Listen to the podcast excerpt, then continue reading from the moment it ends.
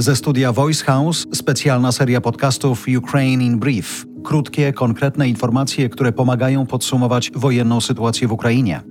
Wiadomości, które usłyszysz za chwilę, dotyczą 19 marca 2022 roku. Już ponad 3 miliony 300 tysięcy osób uciekło przed wojną z Ukrainy, podało Biuro Wysokiego Komisarza Narodów Zjednoczonych do spraw uchodźców. Janina Ochojska, założycielka Polskiej Akcji Humanitarnej, która obserwowała i pomagała w wielu potężnych kryzysach uchodźczych i humanitarnych, powiedziała mi w ostatnim wywiadzie, że w pomaganiu trzeba rozkładać siły, jak na maratonie. To jest y, rzeczywiście po wojnie chyba największy eksodus. Ta wojna może spowodować, że ta liczba, o której kiedyś mówiliśmy, 5 milionów, może nawet być osiągalna. Może być tyle osób, które będą uchodziły z Ukrainy. Brytyjski wywiad twierdzi, że frustracja Rosji z powodu braku spodziewanych sukcesów na wojnie może skłonić Putina do decyzji, które będą pogłębiały kryzys humanitarny.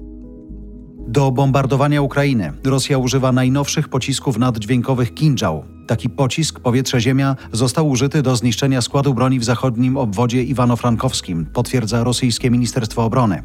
Kinjal, jak mówią Rosjanie, jest nieuchwytny dla wszelkich systemów obrony powietrznej. Ma zasięg od 2 do 3 tysięcy kilometrów. Dziesiątki żołnierzy zginęło po zbombardowaniu przez Rosjan ukraińskich koszar wojskowych w Mikołajewie na południu kraju. Od początku wojny tylko w Kijowie zginęło 228 osób, w tym czworo dzieci. Prawie tysiąc osób zostało rannych, w tym kilkanaścioro dzieci, podał burmistrz ukraińskiej stolicy. Prezydent Zełęński w najnowszym nagraniu apeluje do Moskwy o rozmowy. Nadszedł najwyższy czas na takie spotkanie. Czas na pokój dla mojego kraju. Moskwa na razie nie odpowiedziała. To było Ukraine in Brief od Voice House.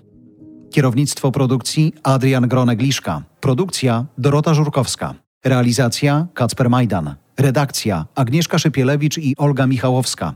Dźwięk Kamil Sołdacki. Czytał Jarosław Kuźniar.